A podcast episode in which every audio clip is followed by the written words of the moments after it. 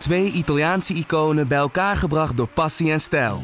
Peroni Nastro Azzurro 0.0 is de trotse nieuwe teampartner van Scuderia Ferrari. Doe mee met ons en de meest gepassioneerde fans op het circuit, de Tifosi. Samen volgen we het raceseizoen van 2024. Salute, Tifosi! Welkom, de vierde aflevering van de Boordradio op nu.nl. En eindelijk was het zover, hè? de eerste race van het seizoen. Zijn de beloftes waargemaakt? Dat is een beetje de belangrijkste vraag waar we over praten. En dat gaan we uitgebreid doen met in de studio aangeschoven Formule 1-expert Patrick Moeken. En ja, in Australië vanaf onze locatieset uh, Formule 1-expert Joost Nederpelt.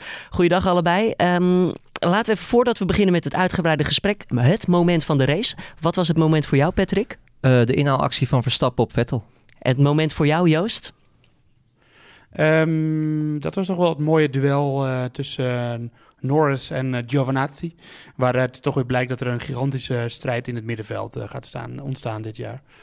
Welkom bij de Boordradio.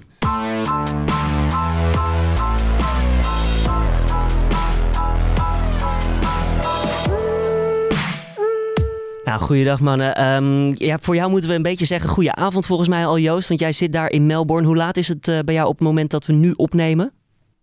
Het is hier nu kwart voor elf s'avonds. Kwart voor elf s'avonds. Je hebt alles lekker dichtbij meegemaakt. Uh, waar stond je een beetje te live twitteren? nou, ik, uh, ik ben uh, vrijdag uh, tijdens de vrije trainingen ben ik een aantal keer langs de baan geweest. En voor de mensen die het Albert Park circuit goed kennen, je hebt achter ja, aan de, aan de uh, bovenkant van het circuit, zeg maar, heb je die lange, lange rechte stuk met een beetje een bocht erin wat langs het water loopt. En dan een hele snelle knik naar links en dan gelijk weer naar rechts.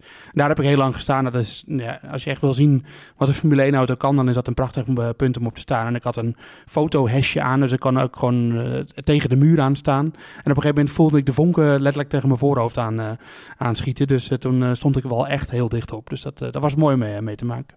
Heel tof, heel tof. Um, ik hoop dat je het zo, zo ja, in geur en kleur kan vertellen. Want wij zitten hier een beetje te smachten. En ja, dus met open mond. Van wij, wij hebben het op tv moeten zien, Patrick. Ja, was ook geen straf hoor trouwens. Nee, jij hele, vond een hele goede wedstrijd, ik toch? vond het een hele leuke race, ja. Ik vond hem iets saaier, maar daar gaan we over praten. Om te beginnen dan eventjes Max Verstappen. Um, Patrick, hoe heeft hij het gedaan? Ja, uh, heel goed. Echt, uh, ik zou haast zeggen boven verwachting. Zeker als je kijkt naar uh, het feit dat Albert Park Red Bull helemaal niet ligt. Uh, het is lang geleden dat hier een Red Bull op het podium stond. We hebben Ricciardo in 2014 op het podium zien staan. Die werd na afloop van die race uh, gedisqualificeerd. Dus dan zou je nog verder terug moeten. Maar ja, Verstappen stond er gewoon en ook echt ja, op eigen kracht. Hij heeft geen geluk gehad met weersomstandigheden of zo. Het is, het is hem echt op, op eigen kracht gelukt. Hij liet nog wel wat mooie dingen zien ook. Ja, zeker. Het, bij de start eigenlijk al, want Leclerc was hem, was hem voorbij. Maar die moest vervolgens weer uitwijken voor zijn teamgenoot Vettel. En daar profiteerde Verstappen van. En uh, ja, na de, of, uh, uh, even na de helft van de race deed hij het nog een keer. buitenom bij Vettel, ja, fantastische inhaalactie. Joost, als je dit zo hoort, um, en we hebben natuurlijk al een paar afleveringen gehad inmiddels dit seizoen van de Boordradio. Heeft hij de verwachtingen en de beloftes al een beetje warm gemaakt? Laten zien van wat er in die Red Bull zit? Nou ja, verwachtingen en beloftes is een beetje lastig, want de, de verwachtingen waren nog een beetje abstract. Uh, kon je niet altijd. Uh, ja, Verstappen zei er zelf natuurlijk niet heel veel over. Um, de verwachting was wel dat ze het beter zouden gaan doen dan vorig jaar met Renault motor. Nou, dat heeft hij dus waargemaakt. Uh, Zo'n inhalactie zoals we die, die op Vettel had. Dat, nou, ik zal niet zeggen dat hij dat nooit had kunnen doen met de Renault motor, maar. Um, in principe had ik wel het idee dat het echt uitmaakt in ieder geval. En dat er, dat er gewoon de, de topsnelheid was er bij de Red Bull Honda. De, de betrouwbaarheid was er. Dus uh, ja, kijk, het had natuurlijk ook wel te maken met het feit dat Ferrari niet thuis gaf uh, zondag. En uh, dat die, die hadden echt een, een, een rampdag eigenlijk. En een rampweekend ook wel. Um, maar dan nog uh, was het een fantastische prestatie van Verstappen. En denk ik dat hij vooral um, ook wel een beetje bij Mercedes de, de alarmbellen heeft doen rinkelen. Van, uh, dat wordt echt een kracht om mee rekening mee te houden dit seizoen. En dat wisten ze misschien al, maar nu hebben ze het ook echt gemerkt. En ja, Hamilton hield hem natuurlijk ook maar ternauwernood achter zich. Dus ja, dat wordt een heel interessant seizoen. En ik denk dat we als Nederland echt blij mogen zijn dat het, dat het er zo uit is gekomen, die nieuwe samenwerking tussen Red Bull en Honda. Wat ik wel opvallend vond, uh, Joost, dat uh, bij die inhaalactie van Verstappen op Vettel, daar zag je echt duidelijk die, die torch, hè, die trekkracht van die, van die Red Bull. Wat, wat je best wel op de motor kan, uh, kan baseren natuurlijk. Dat hebben we eigenlijk vorig jaar helemaal niet gezien met die Renault motor. Dat hij zo snel al in, ja, in die achterkant van Vettel kon duiken met succes op een relatief kort stuk. Eh, kon inhalen. Ja, nou, het is, wat, je, wat ook wel zo is, is dat je als je de live timing in de gaten houdt van de, van de Formule 1, dan, dan zie je natuurlijk ook altijd die GPS-data, of tenminste die, dat, die, dat die, kleine fracties van verschil steeds tussen twee coureurs. En met het duel tussen Hamilton en Verstappen zat ik dat nauwlettend in de gaten te houden. En dan zie je normaal altijd dat als, zodra ze op een rechtstuk komen, dat het snel weer oploopt. Maar dat was nu zeker niet zo. en dat was echt niet alleen maar omdat hij een DRS had, want het was, daarvoor was het, was het ook al zo. Dus ja, het nadeel wat ze hadden op de rechtstukken, dat zijn ze gewoon kwijt. En dat, uh, ja, dat is alleen maar Honda toe te schrijven natuurlijk. Ja, je maakte een tweet, uh, Joost, uh, van we moeten vanavond allemaal sushi eten om Japan te bedanken vanwege deze prestatie. ja, nou ja, ik bedoel, ik denk dat het echt zo is dat, uh, dat Red Bull een stap heeft gezet. En dat, dat er natuurlijk best wel wat vraagtekens waren over wat Honda zou kunnen gaan leveren. En ik denk dat die gewoon die positief beantwoord hebben. Verstappen heeft nu een, een motor nou ja, goed, kijk, het is nog maar de eerste race van het seizoen. Laten we dat wel, laten we heel even op de rem trappen. Het is nog maar de eerste race van het seizoen. We hebben nog maar één kwalificatie gehad, we hebben nog maar één race gehad. Maar daarin ging het goed. En ik sprak uh, Verstappen uh, zaterdagavond na de kwalificatie nog even. En toen was hij ook echt wel goed gestemd over de, de party mode, waar het natuurlijk vaak over gaat. En die goed werkte. Hij, ja, hij is er zelf in ieder geval heel positief over.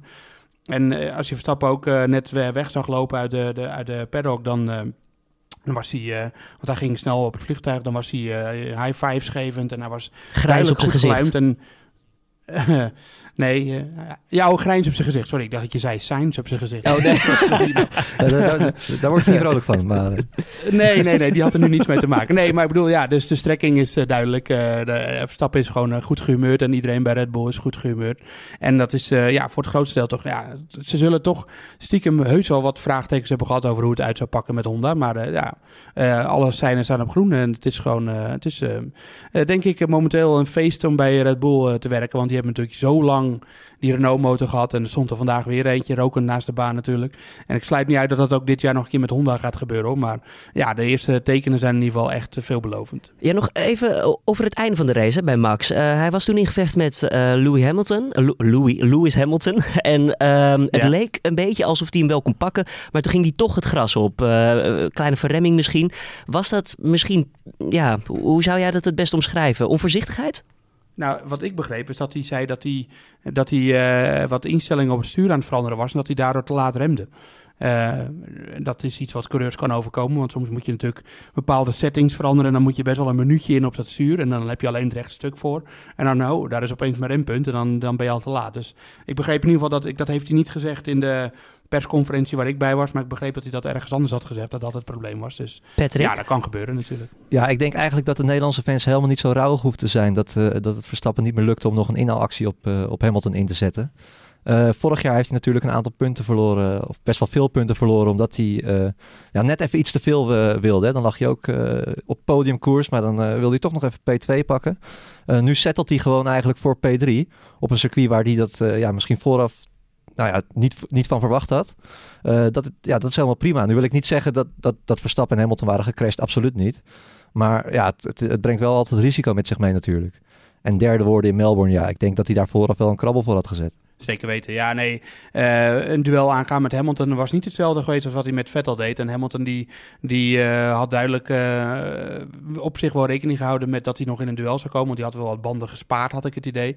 En hij liep ook wel des Hamiltons al in het begin na zijn pitstop te, te klagen natuurlijk over dat hij misschien het einde van de race niet zou gaan halen op dit setje. Nou, dat bleek allemaal wel mee te vallen. En ik denk dat hij toch echt wel heel veel geluk had moeten hebben of echt een fout van Hamilton nodig had moeten hebben om, om hem er überhaupt naast te kunnen zetten. Want hij, ja, hij was wel sneller. En ik denk dat, uh, dat als Hamilton niet voor hem gereden, dan had hij wel snellere tijden gereden dan dat hij nu deed.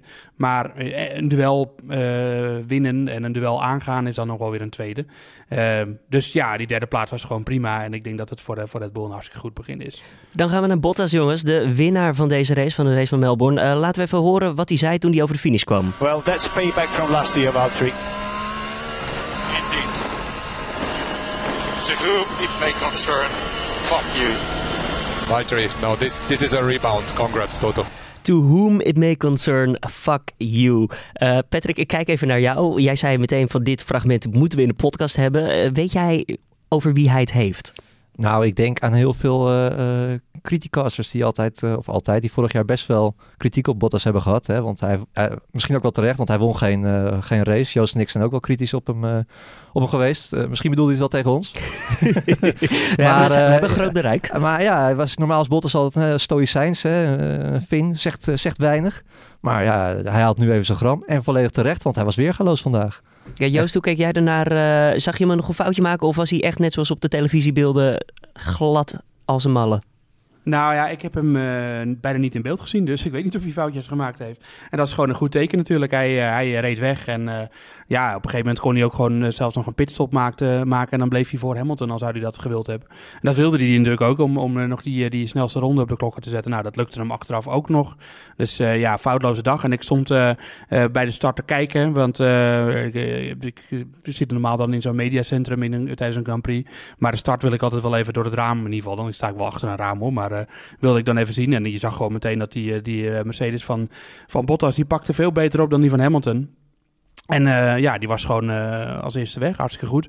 En ja, hij, ik ben wel uh, een beetje geschrokken van in hoeverre hij daarmee bezig was met, met de afgelopen, het afgelopen seizoen. Want hij, we hebben, ook bij persconferenties in Barcelona gezeten. Patrick was er ook bij. En toen had hij daar ook al heel erg over dat hij van alles wilde veranderen. En nu weer, hij bleef daar maar, hij moet er niet in blijven hangen, laat ik zo zeggen. Dus ja, Kijk, en als dit het nieuwe niveau van Valtteri Bottas is, dan heeft Hamilton nog een, een zware noot om te kraken. Maar het was in ieder geval duidelijk dat, uh, dat, dat hij uh, vandaag het, uh, het ware potentieel uit de Mercedes haalde. En, en Hamilton lukte dat niet. Dus ja, terecht de, de, de, de winnaar van de dag. En ook wel terecht denk ik dat hij na afloop zei dat dit zijn beste race tot nu toe was. Want ik heb hem in ieder geval geen wiel verkeerd zien zetten. Joost noemde net al, die uh, persconferentie in Barcelona waar we bij waren. Uh, daar zei hij ook van, ik heb, uh, ik heb heel erg in de spiegel gekeken afgelopen winter. En ik ben eigenlijk tot de conclusie gekomen dat ik nog helemaal niks gepresteerd heb in, in de Formule 1. Nou, dat vond ik toch wel, wel aardige tekst, teksten voor iemand die bij Mercedes rijdt. En nou, wat was het, zes Grand Prix toch al gewonnen heeft. En, vier, dit was zijn vierde. Oh, vierde, sorry. Vierde. Nou ja, alsnog viervoudig, ja, ja, nee, viervoudig Grand Prix winnaar. Uh, ja, ja hij, hij was, uh, ik wil niet zeggen een ander mens, maar hij, was wel, hij had er wel echt uh, over nagedacht. En misschien dat hij ook wel rustiger in, in zijn hoofd is geworden of zo. Dat het, dat, dat meegespeeld heeft. Ja, hij heeft ook een baard natuurlijk tegenwoordig. Dus, ja, misschien dat dat uitmaakt. En, heeft, het nog iets te maken met het, heeft het nog iets te maken met het ja. gewicht in het uh, stoeltje? Dat, uh, dat het nu allemaal nee. gelijk getrokken is? Nee, want hij is, de, Bottas is niet zo'n grote kleur. Dus dat, dat, uh, dat, dat valt wel mee. Ik denk dat het meer is dat hij vandaag uh, gewoon heel erg uh, um, ja, het, vastbesloten was. Om, om, hij zei dat al, ik wilde echt die eerste bocht, als eerste die eerste bocht in. En, en ik moet ook wel zeggen, en dat is wel grappig, want daar, daar refereerde ehm, Vettel later nog aan. Maar ik had ook het idee dat Hamilton ik wil niet zeggen dat hij het wel geloofde vandaag, maar hij, hij leek niet uh, op de Hamilton die vorig jaar volle bak in het kampioenschap zat. En, en uh, zoals die race in Duitsland die hij won en dat hij dat, dat allemaal uh, zo op het scherp van de snede ging. De, die Hamilton heb ik vandaag in ieder geval niet gezien. En hij was wel teleurgesteld, denk ik, uiteindelijk dat hij tweede was, want hij, hij was ehm, redelijk timide in de persconferentie. Uh, maar ik had het idee dat Bottas uh, meer wilde vandaag dan Hamilton. En, en dat was ook wel grappig wat ja. Wat daar misschien ook wel mee te maken heeft, is dat uh, hij had schade, Hamilton, aan zijn vloer. Heeft Mercedes uh, bekendgemaakt. Ja, dat klopt. Ja, maar het, het ging natuurlijk ook al met de start eigenlijk mis. Wat ook had niet echt iets ja. voor Hamilton is. Ja, en uh, het was wel opvallend wat, uh, wat, uh, wat Vettel daarna afloop over zei. En uh, als het goed is heeft Julien daar nog een geluidsfragmentje van. Dat heb ik opgenomen tijdens de persconferentie van Ferrari na afloop. Die zei dat, die, dat Hamilton ehm, zich verveelde in het begin. En dat hij daardoor niet wegreed van Vettel. En dat, hij, dat, hij, dat Hamilton af en toe dat soort races heeft. Dat hij gewoon een beetje met de pet ernaar gooit. En nou ja, goed, ik zat natuurlijk niet bij Hamilton in de auto. En ik weet ook niet hoeveel schade hij had. Maar ja, het was een beetje een gelaten dag van Hamilton in ieder geval vandaag. En dat, dat viel me wel op. Misschien kunnen we even luisteren naar wat Vettel daarover zei. Als het kon zou ik het willen instarten, maar die audio was helaas niet goed genoeg. Dus um, daar kunnen we even niet naar luisteren. Dan Ferrari. Um, ja, weet je, zeg ik uh, iets vreemds als ik zeg ze waren nergens te bekennen dit, uh, deze race dan? Nee, dat zeiden ze zelf ook. En um, nou ja, ik, ik, zat dus net in, uh, in de hospitality van Ferrari en daar daar was er op zich wel eh, niet eens een negatieve sfeer. Uh, Bonotto, de nieuwe teambaas, die gaf natuurlijk een, pers, gaf, gaf een persconferentie samen met Vettel en Charles Leclerc. En ze waren allemaal vooral, je zag een beetje verbazing in hun, in hun gezicht. En ook eigenlijk wat ze zeiden. En ze zeiden ook van ja, we hadden niet verwacht dat we zo slecht zouden zijn. Maar de auto wilde het hele weekend al niet. En ze konden de balans niet vinden. Ze konden de afstelling niet vinden. Uh, ze konden niet goed met de banden overweg gaan. En de bottom line van wat ze eigenlijk allemaal zeiden was... onze auto is veel beter dan wat we hier hebben laten zien. En ja, dat, dan moet ik toch terugdenken aan de wintertest... En Natuurlijk zegt de wintertest niet alles. Dat, hebben we, dat weten we nu, want Mercedes uh, leek een probleem te hebben in de wintertest. En die hebben nu alles in ieder geval op de rit en die gaan als de, als de speer.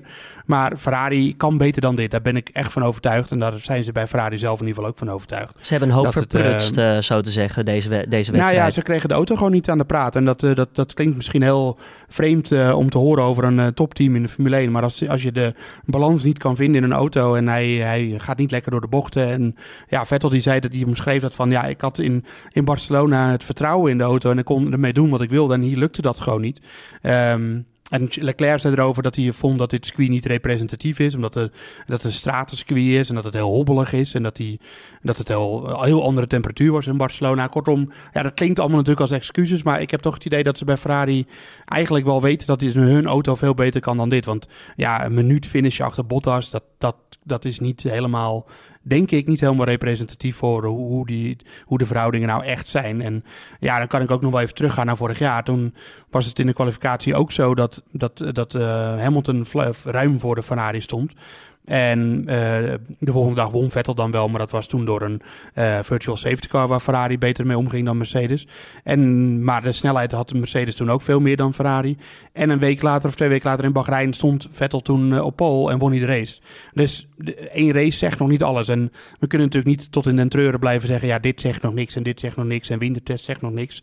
Maar het is wel zo dat het is niet zo dat Ferrari nu uh, uitgeschakeld is al. Of dat ze een auto hebben waarmee ze niet kunnen winnen. Dat, dat is echt nog te vroeg om dat te zeggen. En, en dat is in ieder geval wat ze zelf ook zeiden. Van uh, ja, uh, we gaan onderzoeken wat hier nou fout is gegaan. Maar we hebben echt een goede auto. Daar zijn we van overtuigd. Maar het, ja, het, het, gelul, zal ik het zo maar even noemen. Dat, dat Mercedes een halve tel achter zou liggen. Wat Hamilton altijd zei. Ja, dat, dat, ja. dat, dat, klopt, dat klopt natuurlijk van geen hout. Nee, ja, ze waren, ja, Mercedes zei dat ze verbaasd waren dat ze zo goed waren. En, en Ferrari zei dat ze zo verbaasd waren dat ze zo slecht waren. Ja. Um, en kijk, en uh, natuurlijk uh, hebben we met z'n allen er heel veel over gepraat de afgelopen weken en over hoe het ervoor stond. En ja, wij moeten natuurlijk ook maar gewoon doen met rondetijden en zien wat we zien. Um, maar uh, iedereen was het erover eens dat Ferrari er heel sterk uitzag. En die auto, die, die oogt ook gewoon goed. Dus ja, het, wordt, ik geloof wel als Ferrari zegt dat, dat ze de auto hier gewoon niet aan de praat kregen. En dat ze denken dat dat best wel een incident kan zijn. Dan, dan wil ik dat echt nog wel geloven. En ja, maar ik denk dat niet Mercedes... dat, dat, ze er opeens weer uh, heel erg ver voor gaan zitten of zo. Het, het zal, het zal nee, dat zeg ik ook niet. Dat zeg ik niet, maar... Ja, precies. Er is ook een, er is een verschil tussen een minuut achter liggen na een race natuurlijk. Ja. En, en ja, dus nee. Ja, dat, want ze liggen dat, ook gewoon een, een, half minuut achter op Verstappen. Hè? Dat is ook niet niks natuurlijk. Ja, Nee, dus ja, er was gewoon een probleem bij Ferrari dit weekend en dat zullen ze op moeten lossen. En dat, uh, dat, uh, dat gaan ze misschien ook wel oplossen. En Vettel zei, ja, daar hebben we in ieder geval de middelen voor om dat uh, zo snel mogelijk recht te trekken. Um, er was ook een en, ander probleem. Ja, Namelijk, nou. uh, Leclerc die was sneller dan Vettel en hij wilde er langs. Laten we even luisteren wat er toen gezegd werd. So I should stay behind Sebastian? Yes or no? Yes, and back off to have some margin.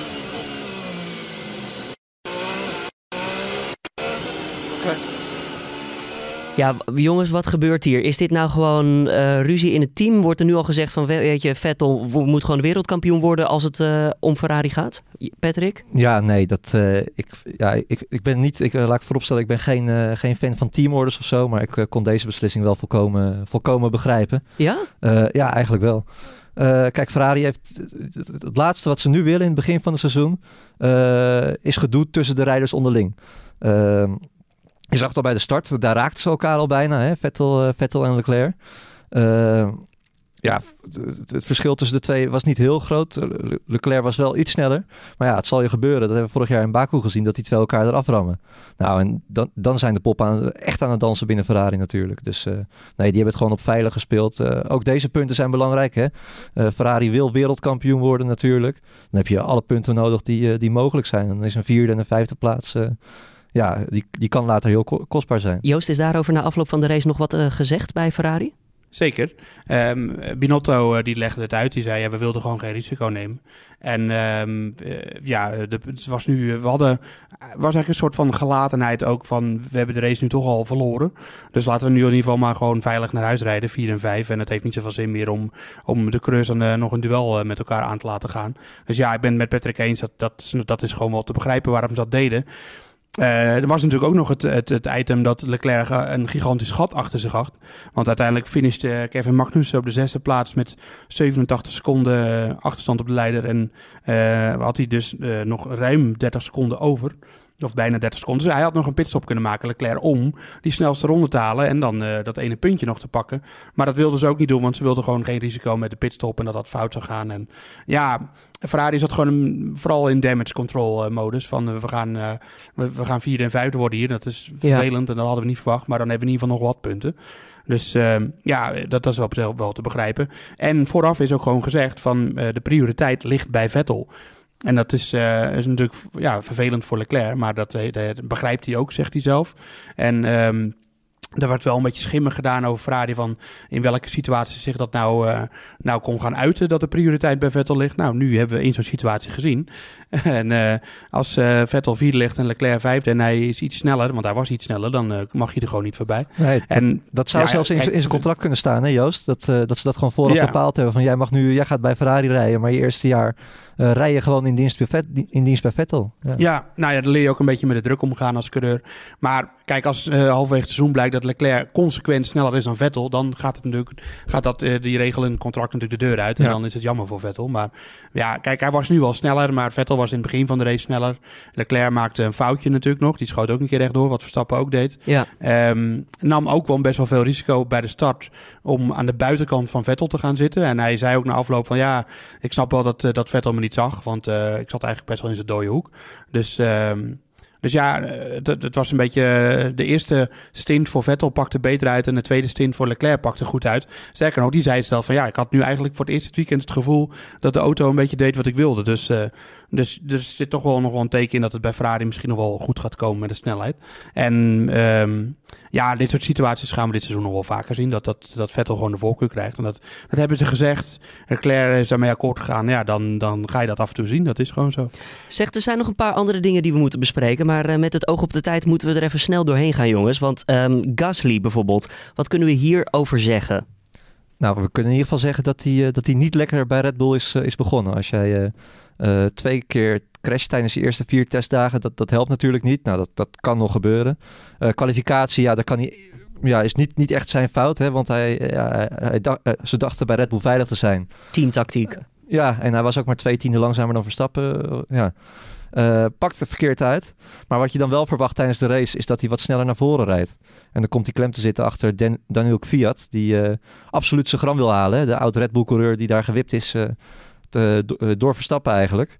Ja, die gaat, die gaat zo'n Red Bull natuurlijk niet. Uh, ik denk dat die, die, die, die voelt zich heerlijk met zo'n Red Bull in zijn spiegels. Gasly leek ook geen durf te hebben om gewoon nee, diep was, te remmen. Het was twijfelend. Kijk, als je, als je, als je, als je in zo'n Red Bull rijdt, je moet ook uitstralen dat je, dat je echt voor een topteam rijdt. Hè? Dat Verstappen ook. Als hij een inhaalactie inzet, dan gaat hij er vol voor. Dan gaat hij niet even terug. En zeker achter, achter, een, achter een Toro Rosso doe je dat niet. Je moet, ja, je, moet Fiat eigenlijk helemaal niet de kans geven om zichzelf te verdedigen. Nee, ja, het, was niet, ja, het, het pakte ook allemaal wel een beetje ongelukkig uit natuurlijk voor Leclerc. Of voor Gasly, sorry.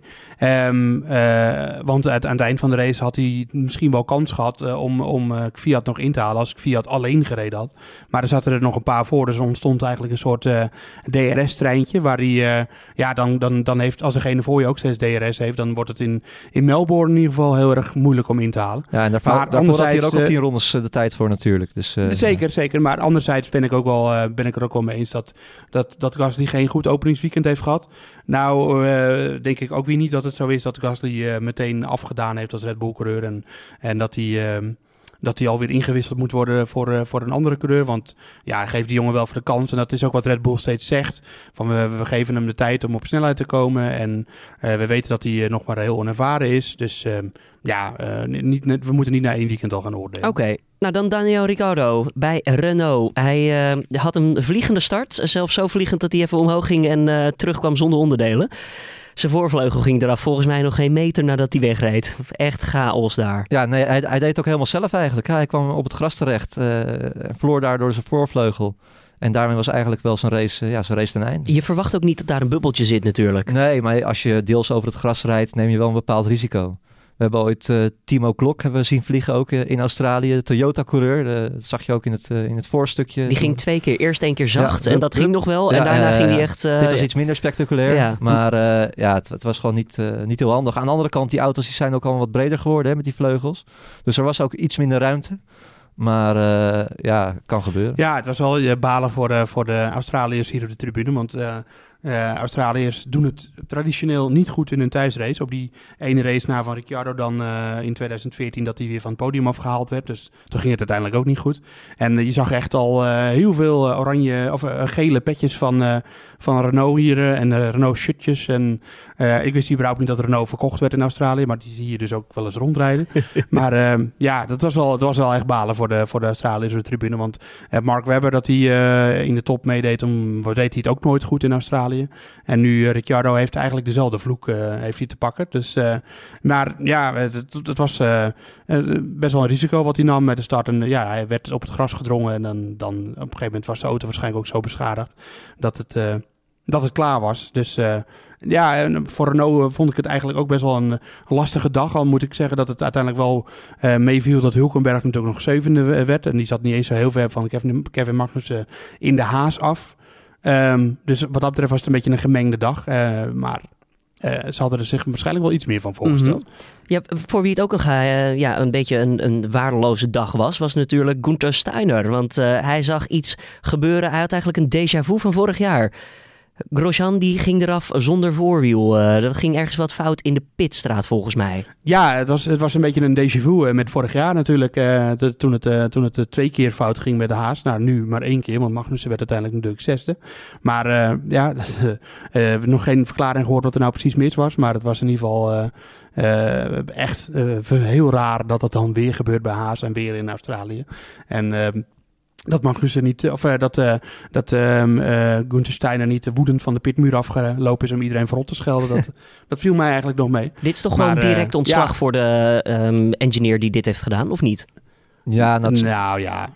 Het is ook nog niet oh, helemaal precies duidelijk wat, daar, wat er nou gebeurd is. Kijk, uh, in die Netflix, Netflix documentaire hebben we dat uh, kunnen zien. Hè? Dat, uh, Drive to Survive? Ja, ja dat was wat, wat hier vorig jaar gebeurde. Toen werd er een, ja, een wielmoer niet goed vastgemaakt. Twee keer? Twee keer, ja. Die, die monteur die was letterlijk in tranen. Dat was ook zijn eerste Grand Prix weekend.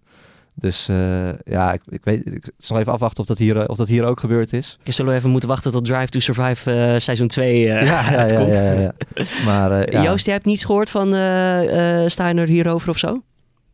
Nee, er was wel een persmoment met de Haas, maar dat was tegelijkertijd met Ferrari. Dus toen ja, kan maar op één plek tegelijk zijn. Ja. Maar um, ja, ze zullen het waarschijnlijk gaan onderzoeken wat er nu weer fout is gegaan. Ik moet wel zeggen, de, de Haas uh, zelf als auto, uh, kwam heel erg goed voor de dag natuurlijk. Um, dus die zijn zeker niet minder geworden ten opzichte van vorig jaar. En um, het was ook wel grappig dat Magnus had gezegd dat hij zich eigenlijk niet kon voorstellen dat er nog dat er auto's waren die nog sneller zijn dan die van hem. Want hij, de, de, de nieuwe Haas voelde voor hem al echt als een raket. Dus uh, ja, dat, dat, dat, dat, zijn wel mooie berichten bij dat team vandaar natuurlijk. Wat het uh, eigen klein team, wat het met, met de middelen van buitenaf toch eigenlijk best wel heel goed doet. en het is eigenlijk natuurlijk al verwonderlijk dat die auto um, de, de Renault weer vol bleef vandaag. Want bij Renault zit toch wel iets meer geld op de bankrekening. En dat geven ze ook uit natuurlijk.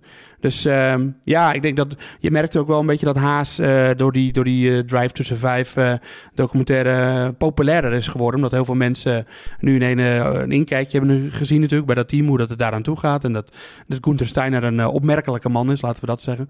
Dus ehm, ja, de Haas heeft wel een beetje de gunfactor gekregen nu, merk je daardoor. En de extra zuur dat ze dan nu weer op diezelfde manier een auto verloren. Maar aan de andere kant mooi dat ze de punten pakten met Magnussen. Laten we naar de post gaan. Post aan de boordradio.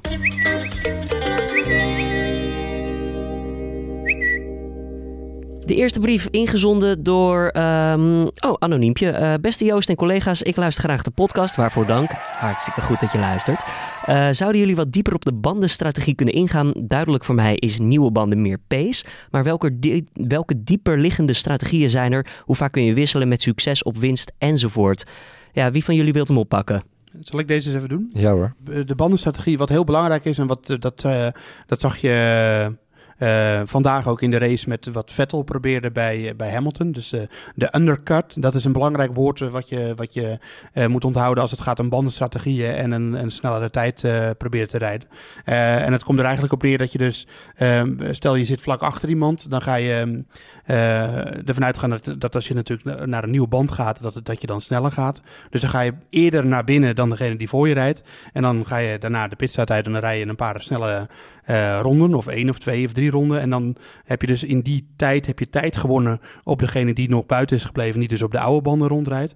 En als die dan zijn pitstop maakt, dan heb je met die tijd die je gewonnen hebt, ben je er vaak voorbij gegaan.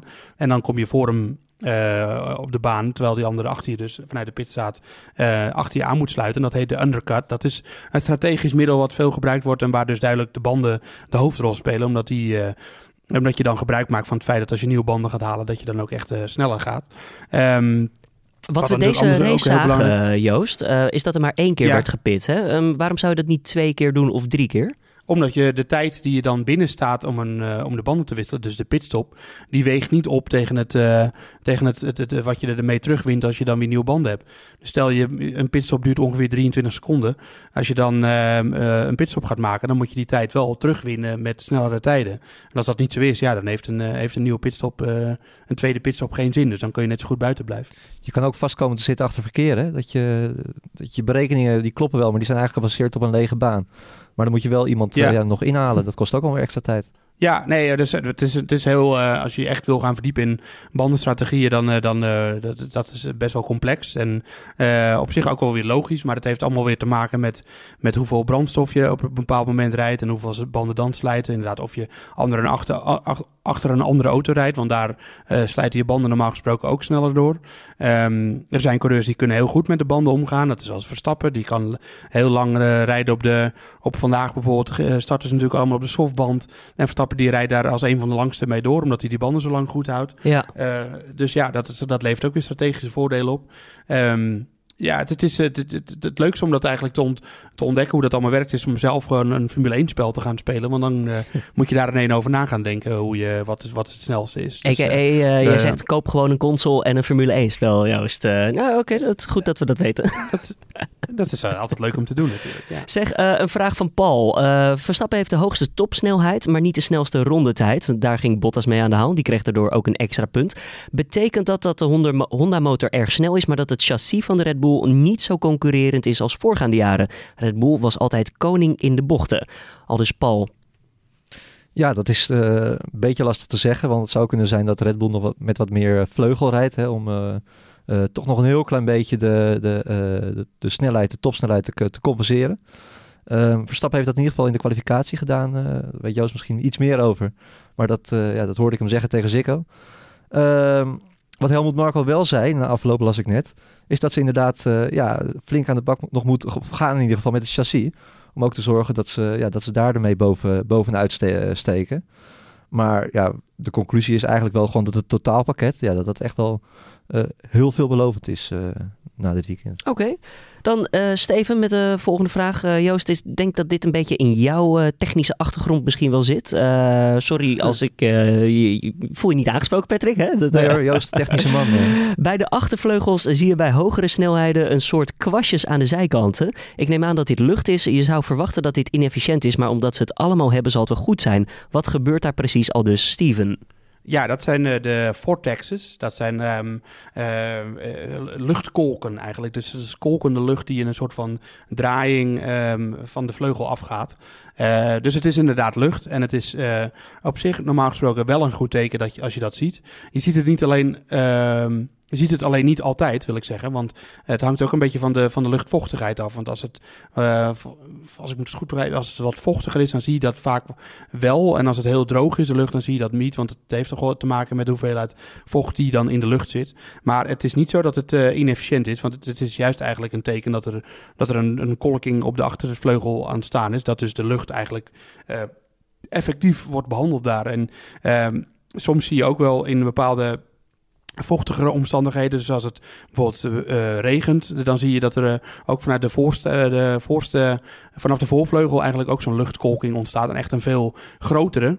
Er zijn wel wat filmpjes op YouTube van waar wij dat volgens mij wel kan zien. En dat, dat heet dan de, de I, nee, Griekse I-250 vortex, die dan vanaf de voorkant komt. Ja, dat, ja dat mocht je in de auto en zitten en dit horen, nou probeer het maar te onthouden. De Griekse I-250 vortex. Joost gaat je volgende week over horen. De Y-250, dus. ja, dat, is, dat, dat is een begrip in de Formule 1. Dat is een, een bepaalde manier van luchtstroming die, uh, die ja, dat, dat is in ieder geval een teken dat je gewoon heel erg uh, efficiënt met de lucht omgaat. En dat het, je de lucht ook daar naartoe kan sturen waar je wil. Is het pak een beetje hetzelfde wat je bij vliegtuigen ziet, bij de vleugels als ze landen? Exact hetzelfde. Ja, dat is ook een uh, vortex vaak. Uh, je ziet ook vaak als een vliegtuig opstijgt dat er dan achter de, of ja, boven de motor langs komt, er ook zo'n zo'n zo'n luchtsliert, zeg maar. En dat is, dat is eigenlijk hetzelfde. Dat is ook een vortex. Dus uh, dat is een soort van luchtversnelling in een kolk. En dat, ja, ik ben zelf verder geen aerodynamicus hoor, maar dat is in ieder geval, je, wat je dan in ieder geval weet is dat er, dat er, dat er een vorm zit in de vleugel die effectief is, omdat, je, omdat er ook daadwerkelijk iets gegenereerd wordt met zo'n vleugel. En in dit geval zo'n vortex. Want als het een, een, vleugel is die je zeg maar met een liniaal en een potlood uh, ontwerpt, dan. Um, dan, dan wordt het één grote chaos, dan zie je dat niet. Dus uh, ja. ja, het is geen slecht teken. Uh, ja, het is lucht. En uh, het is een efficiënte teken dat ze efficiënt bezig zijn met die vleugels. Laatste brieven dan, anders gaan we helemaal door de tijd heen. Deze kunnen we wel een beetje aan elkaar koppelen van Jos en van Paul. Um, Jos die vraagt benieuwd naar de houdbaarheidsdatum, mooi woord, van Gasly bij Red Bull. En Paul die vult daarop aan, eigenlijk zou het niet beter zijn om Fiat, Fiat, zeg ik nou goed, goed ja, ja. in plaats van Gasly naar Red Bull Racing te halen? Je moet eigenlijk gewoon zeggen uh, Fiat met een K ervoor. Fiat. Fiat. dus, uh, nou ja, Patrick. Ja, we hebben het eigenlijk al een beetje aangegeven. Hè, dat uh, ja, Red Bull heeft Gasly gehaald. Ook niet zozeer om, om te concurreren met Verstappen. moest, moest eerder komen dan, dan gepland door het vertrek van, van Ricciardo. En hij krijgt ook de tijd hè, om, om aan het team te wennen. Nu hebben we in het verleden wel gezien dat, nou, Fiat, daar heb je hem. Die is dus gewip, gewipt door, door Red Bull. Dat was wel een uh, behoorlijke uitzondering, omdat dat, dat, dat tussentijds in het seizoen gebeurde. Uh, nee, ik denk dat ze, dat ze bij Red Bull echt wel Gasly de tijd gaan geven om te wennen aan, het, aan zijn nieuwe team. En ja, hij krijgt ook ja. die tijd, hè Joost? Dat, dat hebben ze gewoon gezegd bij Red Bull. Ja, dat heeft Horner uh, meerdere keren gezegd. Dus dat, uh, daar is geen twijfel over. En ik moet zeggen, het is ook wel een klein beetje opportunistisch om na één race waarin uh, Fiat dan toevallig voor Gasly eindigde, tegelijk te denken dat ze omgedraaid moeten worden. Fiat reed een goede race hoor, daar niet van. Maar ja, we, we, geven het de tijd. Uh, als er over een half jaar nog steeds geen prestaties zijn van Gasly, dan uh, kunnen we daar zachtjes aan gaan denken. Maar het loopt nu nog zo'n vaart niet. Ja, ik wil nog heel even kort op inhaken, toch? Wat je wel bij Fiat zag, die, die was natuurlijk wel altijd al snel. zeker over één ja. ronde. heeft, heeft één volledig seizoen bij, bij Red Bull gezeten. mede door pech van Ricciardo is hij wel boven Ricciardo in de WK-stand toen geëindigd. Uh, nou ja, dat, dat, uh, het is niet zo dat, dat, dat Fiat, uh, zo werd hij in Nederland altijd een beetje afgeschilderd, omdat hij op de plek van Ver, Verstappen zat. Dat een koekenbakker is of zo. Nee, ja, hij was altijd een klein beetje robuust, maar hij was zeker wel, wel snel. Is afgelopen jaar is hij ontwikkelingsrijder bij Ferrari geweest. Misschien heeft hij dat jaar wel gebruikt ja, om ook zijn hoofd een beetje op, op orde te krijgen. En ja, hij heeft natuurlijk nu niks meer te verliezen. Dus ik denk dat Fiat, ja, daar, daar, daar, daar gaat Toro Rosso wel een goede aan krijgen dit jaar, denk ik. Zeker weten. Ja, ik, denk, ik vond het een slimme zet om hem terug te halen. Ja, zeker. Ja, als, het, was altijd, het was altijd een hele snelle coureur, maar ook een beetje een brokkenpiloot. En ja. als hij dat laatste nou eens uh, afgeleerd heeft, dan, dan heeft hij gewoon een hele, nog steeds een mooie carrière voor zich. Dus uh, Fiat is zeker een groot talent, maar uh, Gasly krijgt echt de tijd bij Red Bull. En die heeft ook, ook wel echt laten zien bij Toro Rosso dat hij tot dingen in staat is. Dus ja, dat reken hem niet af op één race.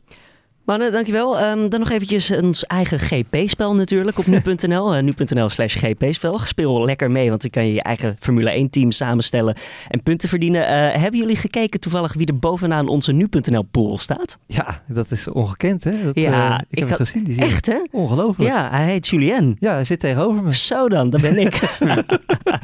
Joost, um, jij, jij had ook gewoon een gedeelte niet ingevuld, jongen. Wat is daar aan de hand?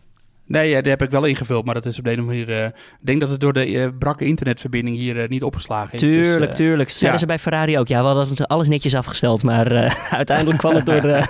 het tijdverschil kwam er Ja. niet goed aan. Ehm, ja, Maar Joost, ik, ook, ook ik ben overtuigd van mijn ware potentie in het eh, Formule 1-spel. Dus dat, eh, dat komt nog wel. Joost, jij had de hoofdredacteur ook aangemoedigd om Ferrari-coureurs in zijn team te zetten. Hè? Ik bedoel, eh, hoe ga je dat goed maken? Nou, die, ik denk dat ik ontslagen word nu. Oké. ja. Dus dit was waarschijnlijk de laatste podcast. Oh, eh, nou goed, gelukkig hebben we Patrick gewoon hier eh, in Nederland. Hey, eh, Ja, Patrick het valt me Moeke, mee dat hij Joost, me nog niet gebeld heeft eigenlijk. eh. Patrick Moeke. Joost Nederpelt vanuit Australië. Hartstikke bedankt allebei. Over twee weken zijn we terug met de Boordradio. Waarschijnlijk zit Daan Smink dan hier ook weer eh, op de stoel van de presentator. Dan zijn we in Bahrein geweest. 31 maart, ehm, zeg ik het goed? Even kijken, even bladeren. Ja, 31 Ja. maart, 10 over 3 smiddags. Hoeven we niet zo vroeg ons bed uit. Heerlijk. Gaat er iemand van jullie naartoe ook? Ik, ik Nee. niet. Nee, Nee, nee, nee, Bahrein eh, doen we niet. Ik, ik hoorde dat het Dus, geheim eh, was gewoon zeggen dat je erbij bent. En dan kan, eh, dan kan, er niet meer, dan kan je er niet meer omheen. Dan worden die kaartjes gewoon geboekt. Ja, is dat zo? Dat, Ja, nee, zo werkt het helaas. Nee, oké, jammer. Nee. Eh, Nee. In, in heel, heel, heel kort, eh, in minder dan een minuut, jongens, Bahrein, kansen voor Max Verstappen. Patrick, ik begin met jou. Ja, absoluut. In principe vooraf zou je zeggen nog meer dan in, eh, in Melbourne. Eh, ja, en het wordt, eh, daar gaan we een reëel, reëler beeld krijgen van de verhouding op de grid. eh. Dat Joost? Ja, daar sluit ik me volledig bij aan. Ehm, ik denk dat eh, we in, eh, als ik het gewoon even mag inschatten, dat we een minder Mercedes gaan zien. Nog steeds sterk, maar minder. Dat we Ferrari eh, veel beter voor de dag gaan zien komen. En dan wordt het pas echt interessant hoe Red Bull zich dan eh, gaat presenteren. Eh, en ik heb er een goed gevoel over. Ik denk echt dat Verstappen sowieso alweer op het podium gaat finishen daar. Ik ook. Dit was dan de boordradio voor eh, de, de eerste race van het nieuwe Formule 1 eh, seizoen. Melbourne hebben we gehad, kunnen we afstrepen. Bottas die staat bovenaan. Max Verstappen inmiddels op een mooie derde plek in het eh, ja, klassement. Dat moeten we ook maar even benoemen. Hè? Dus over twee weken een nieuwe aflevering. Ik zeg, laat even weten wat je vindt van deze podcast. Kan je doen door een mail te sturen naar podcast.nu.nl. Wie weet kan je een leuk sweater winnen. Sturen we naar je toe. Is helemaal geen probleem. Mm, doe mee met het GP-spel dus. Nu.nl slash GP-spel. En ja, blijf gewoon vooral vragen sturen. Als je iets leest, als je iets ziet op nu.nl, stuur het naar onze Formule 1-experts. Want Patrick en Joost die staan voor je klaar om ze te beantwoorden. Ik zeg tot over twee weken. Mijn naam is Julian Dom. Patrick Moeken. En Joost Nederpelt vanuit Australië.